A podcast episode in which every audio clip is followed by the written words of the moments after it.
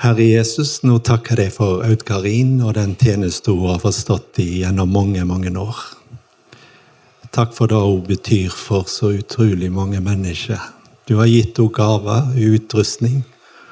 Hun har formidla evangeliet så flott. Og Nå ber vi Herre for eh, det hun skal dele med oss i dag. La hun få oppleve at det, hun møter ei åpen dør for evangeliet hos oss. Og la da ordet som blir forkynt, skape det du vil i våre hjerter. Ber om rik velsigning over henne. I Jesu navn. Amen. Takk skal du ha, Svein Bjarne. Eh, litt av bonusen med det å være i misjonen over ganske lang tid, det er at man får en god del venner, og man får oppleve at når man kommer til en plass, så er det bare så fint å se ut over forsamlingen, for her så ser jeg bilder i folk, her så ser jeg folk som jeg har møtt på tur, her ser jeg folk som jeg har fått jobba sammen med, og her ser jeg folk som jeg kjenner at det berører hjertet mitt å treffe. Og det er en utrolig sånn god og varm ting. Hmm. Fint å se dere, alle sammen. Deg òg, Svein Bjarne. Nei da, Svein Bjarne han har vært en av de som jeg har sett opp til ifra jeg begynte i misjonen. Og så skjønner jeg jo det at når noen ber for meg å si noe om at jeg har vært i en tjeneste i mange, mange år, da skjønner jeg at uh, nå begynner det å bli ei stund. men, men sånn er det. Det er fint. Ja, en spesiell dag, sa Svein Bjarne. 8. mai, frihetsdagen vår, freden. Og jeg tenkte på liksom Det der med liksom jeg tror ikke jeg kan sette meg inn i hvordan det var å, å være under okkupasjon. Jeg tror ikke jeg kan sette meg inn i hvordan, hvordan, det var i den perioden når Norge var okkupert av Tyskland, når det at friheten var begrensa, når trusselen for eh, fangenskap, for tortur, for død Det er utrolig sånn vanskelig å forstå. Og desto mer sterkt, desto mer kjærkomment å få lov å takke for og be for frihet og fred. Og så vet vi at òg denne dagen så er det faktisk ganske mange som eh, lever i trussel om krig og i krig. Så jammen så har vi mye, mye å takke for. Mye å takke for. Men så vet vi òg at freden den hadde en pris. Det er en del folk som i dag går til ulike sånn minnestøtte. Noen som leser noen navn. Så er det noen som vet at min bestefar, han blei der eller der. Min bestemor, min onkel, min eh, Det var noen som eh, ga livet sitt for freden. Og det har jeg tenkt på òg i forhold til eh, Vi skal jo ha bønn som tema. Og jeg tenker at det at vi kan få lov å leve med Gud, det at vi kan få på en måte være Guds barn, det handler om rett og slett at det var en som ga livet sitt for freden. Det var en som ga livet sitt for oss. Et tomt kors og ei tom grav. Det er sånne seiersmerker i forhold til at det var én som gikk i døden for oss. Vi skal lese bare sånn innledningsvis disse tre versene som står i Kolosserbrevet i kapittel 2. Også dere var døde ved deres overtredelser og uomskårne kjøtt. Men, Christ, men, Gud gjorde dere levende sammen med Kristus idet han tilga oss alle våre overtredelser. Han utslettet skyldbrevet mot oss som var skrevet med bud, det som gikk oss imot. Det tok han bort da han naglet det til korset.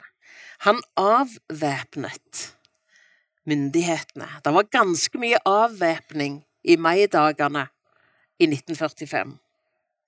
Han avvæpnet maktene og myndighetene og stilte dem åpenlyst til skue da han viste seg som seierherre over dem på korset.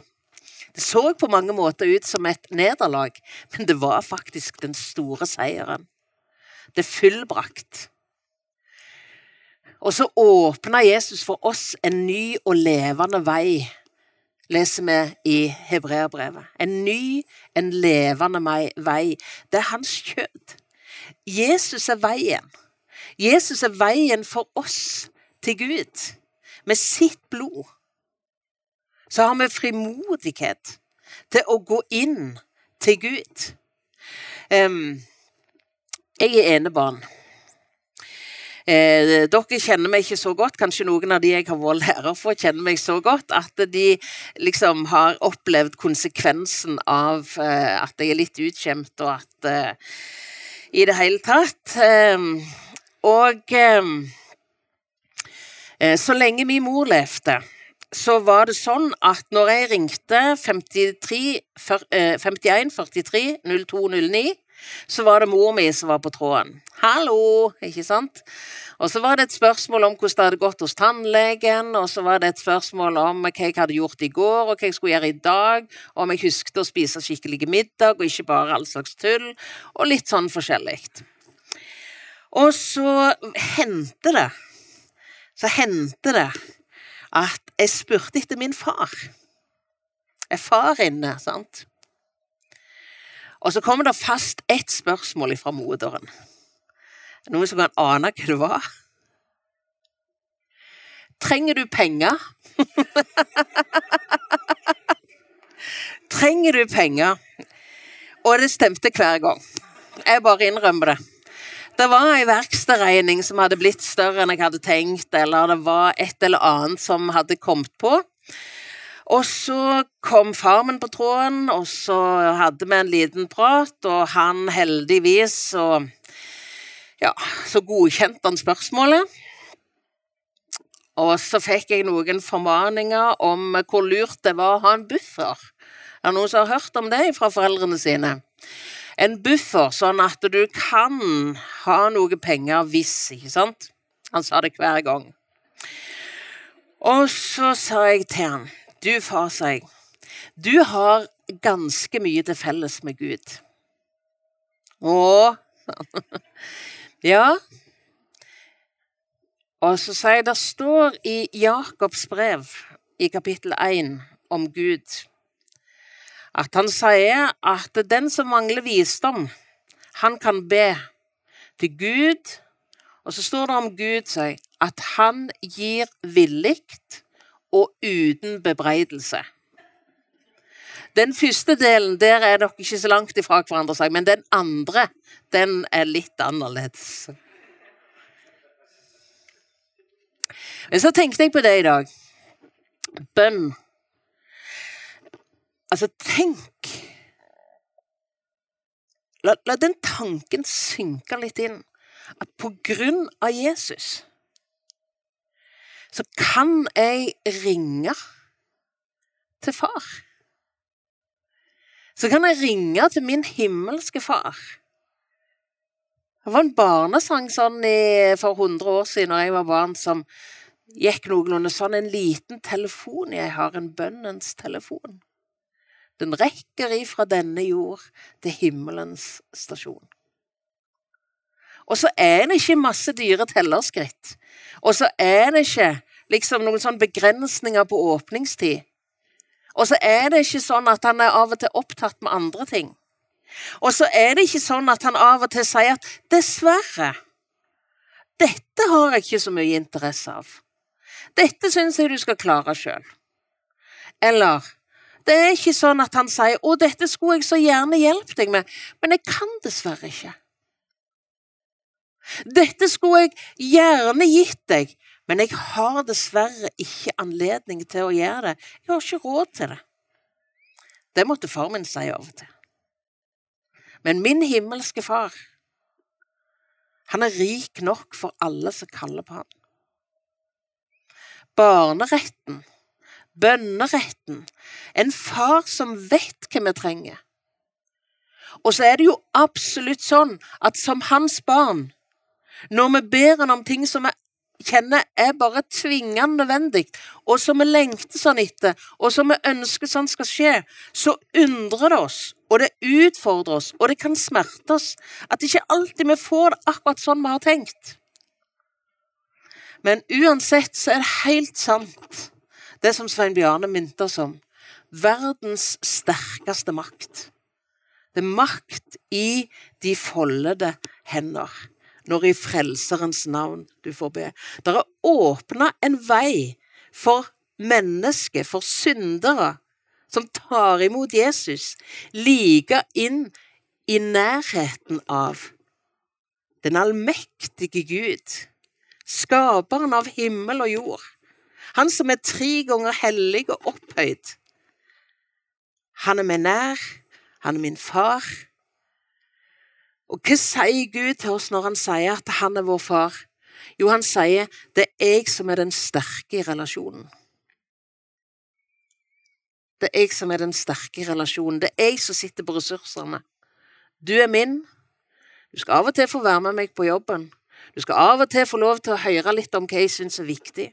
Du skal av og til få lov til å bare sette deg ned i, mitt, i min nærhet og bare være.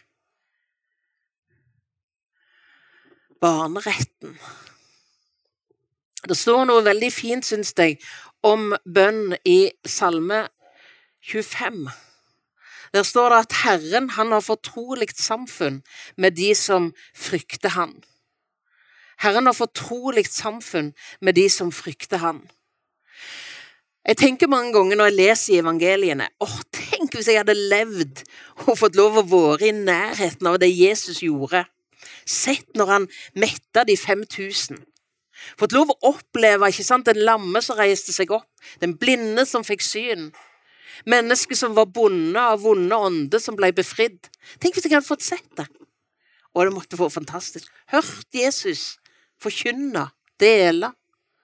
Men vet du hva jeg kanskje aller mest kunne tenkt meg? Det var til å være der en kveld eller en tidlig morgen når Jesus samla seg med disiplene sine.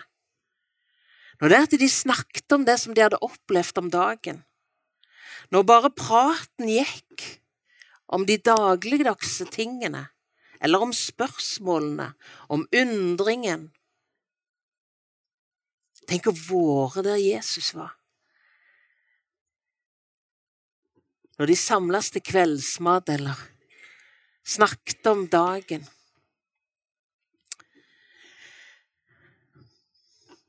Vet du at vi kan være det? Vi kan på en måte være det.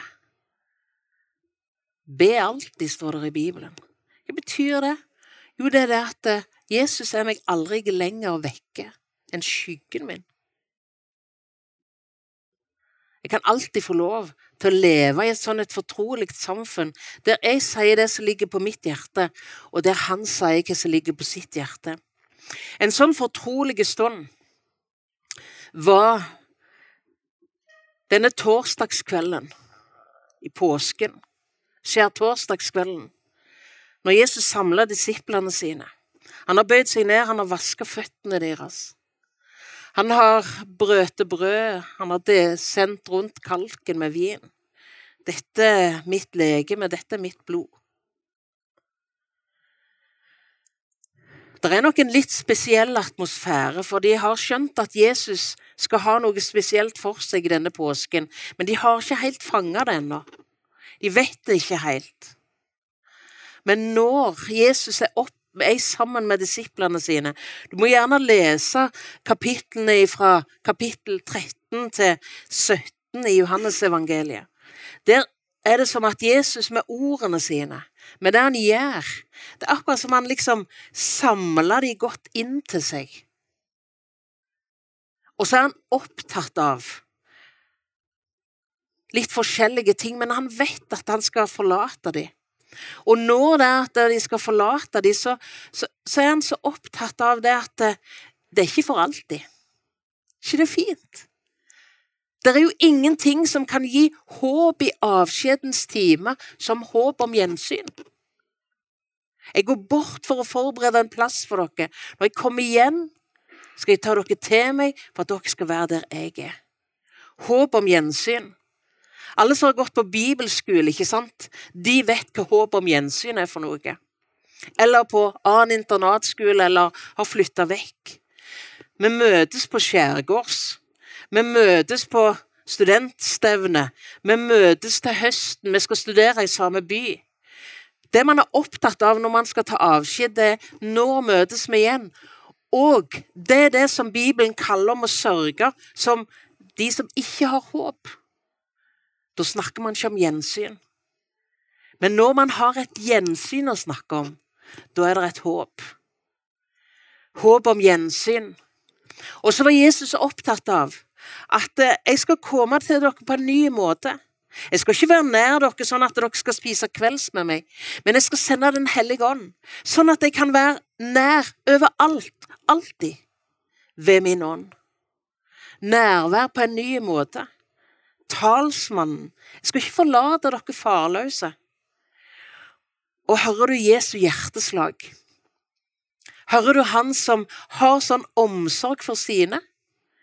Vet du at Jesus har ikke forandra seg til plukk? Sånn er Jesus i dag òg. Han har et sånn et hjerte som slår for sine. Vi snakker om bønn.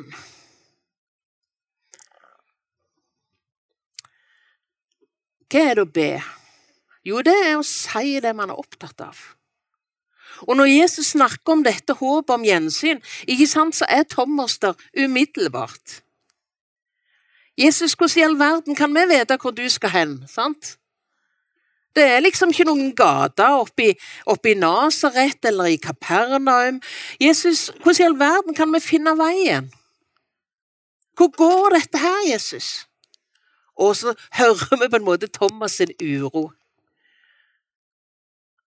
Og så litt seinere, i det som nå er dagens tekst, fra Johannes 14, vers 1-11, så får vi to av Jesus sine venner som på en måte kommer med det som ligger på hjertet deres. Thomas, hvor er veien? Og så kommer Philip, ikke sant. Herre, du må vise oss Faderen, så vil det være nok for oss. Og så møter Jesus disse vennene sine. Han forteller Thomas om at du trenger ikke uroe deg så veldig, Thomas, for jeg er veien. Jeg er sannheten, og jeg er livet. Det er jeg som er veien til himmelen. Ingen kommer til Faderen uten gjennom meg.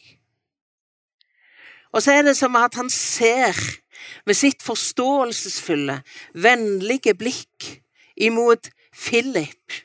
Og så sier han, 'Den som har sett meg, han har sett Faderen'. Vi er helt like, vi. Vi er helt like. Man kan få lov å si det som ligger på hjertet. Og Det syns jeg er så fint å tenke på når det er at det gjelder bønn. Man kan få lov å komme til Jesus med alt. Alltid. Man kan få lov å komme til Jesus med alt. Alltid. Med det hverdagslige, med det kompliserte, med det som vi strever med og vi syns er nesten så ureint eller så skittent at vi er litt usikre på om vi kan si det til Jesus med de ordene det egentlig har. Kom til meg, sier Jesus, alle dere som strever og bærer tunge byrder. Det som holder på å knekke ryggen din. Det som får deg til å bøye deg til jorda i skyld, i skam, i uro, i fortvilelse. Kom til Jesus. Det som du bare har lyst til å si til noen som står deg nær, si det til Jesus. Gledene dine, lengselen din, ønskene dine, drømmene dine. Si det til Jesus. Kom til meg, alle dere som strever tungt å bære. Når jeg eh, gifta meg med Ragna Altså, Hvis det er noen som vet om det heter å bli gift eller å gifte seg, så vil jeg gjerne at dere skal gi beskjed til meg. For jeg er veldig usikker på om jeg ble gift eller om jeg gifta meg. Men sånn er det nå. Men eh, da fikk jeg eh, noen bonusbarn og bonusbarnebarn. Og Henry han er sju år. Er fantastisk med de små. Jeg føler meg så heldig. En dag så skulle jeg få lov å legge han. Eller det var jo en kveld. Så, så når det at vi hadde snakket og litt sånn, så sier jeg 'skal vi be', sa jeg. Ja, man skulle be. Ja, har du lyst til å be først, eller skal Har du lyst til å be, eller skal jeg be, sier jeg. Nei, du kan be først. Ok, så begynte jeg å be. Og ba nok litt lenge, syns han. For eh, når eh, det var hans tur, så så jeg at øynene gikk ganske godt igjen, sånn litt hardt. Og så sa han, kjære Jesus, jeg ber for alt det mormor ba for.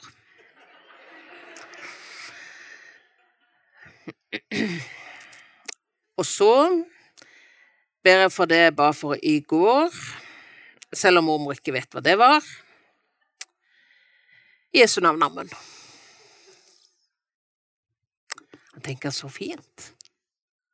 Tenkte jeg, å Henry, jeg må lære å be av deg. Be for alt det mormor ba for, ja. Så ber jeg for det jeg ba for i går. Jesu navn, amen. Situasjonene er helt forskjellige. Men faktisk så er det en et lite ekko fra Getsemanehagen, ifra han som gikk bort og ba de samme ord. Vi gjør det så vanskelig av og til. Vi gjør det så vanskelig av og til. Tenk hvordan du har det i forhold til dine barn. Nå skulle jeg unnt dere at dere alle kunne se på Magnhild. Det er fantastisk. En liten baby, ikke sant? Helt overlatt til gode foreldre som vet hva den lille trenger. Det er ikke så komplisert. Gud ser, Gud hører, og Gud forstår. Um, det er noen som har lest ei gammel bok av Ole Hallesby som heter Fra bønnens verden. Der bruker Ole Hallesby Johannes' åpenbaring kapittel, kapittel 3 og vers 20 når han snakker om bønn. Verset 'Se, jeg står for døren og banker'. Så sier han bønn, det lukker Jesus inn. ikke det fint? Det var det de gjorde, Thomas og Philip. De lukte Jesus inn i spørsmålene sine. Det var det Henry gjorde når han delte det som han var opptatt av. Bønna lukka Jesus inn. Og så vet vi òg at bønn, det er hvile, og bønn, det er arbeid. Det står om Epafras, Kolosserbrevet. Og han omtales som en Jesu Kristi tjener som alltid strider for dere i sine bønner. Lykkelig er du som har en forbeder.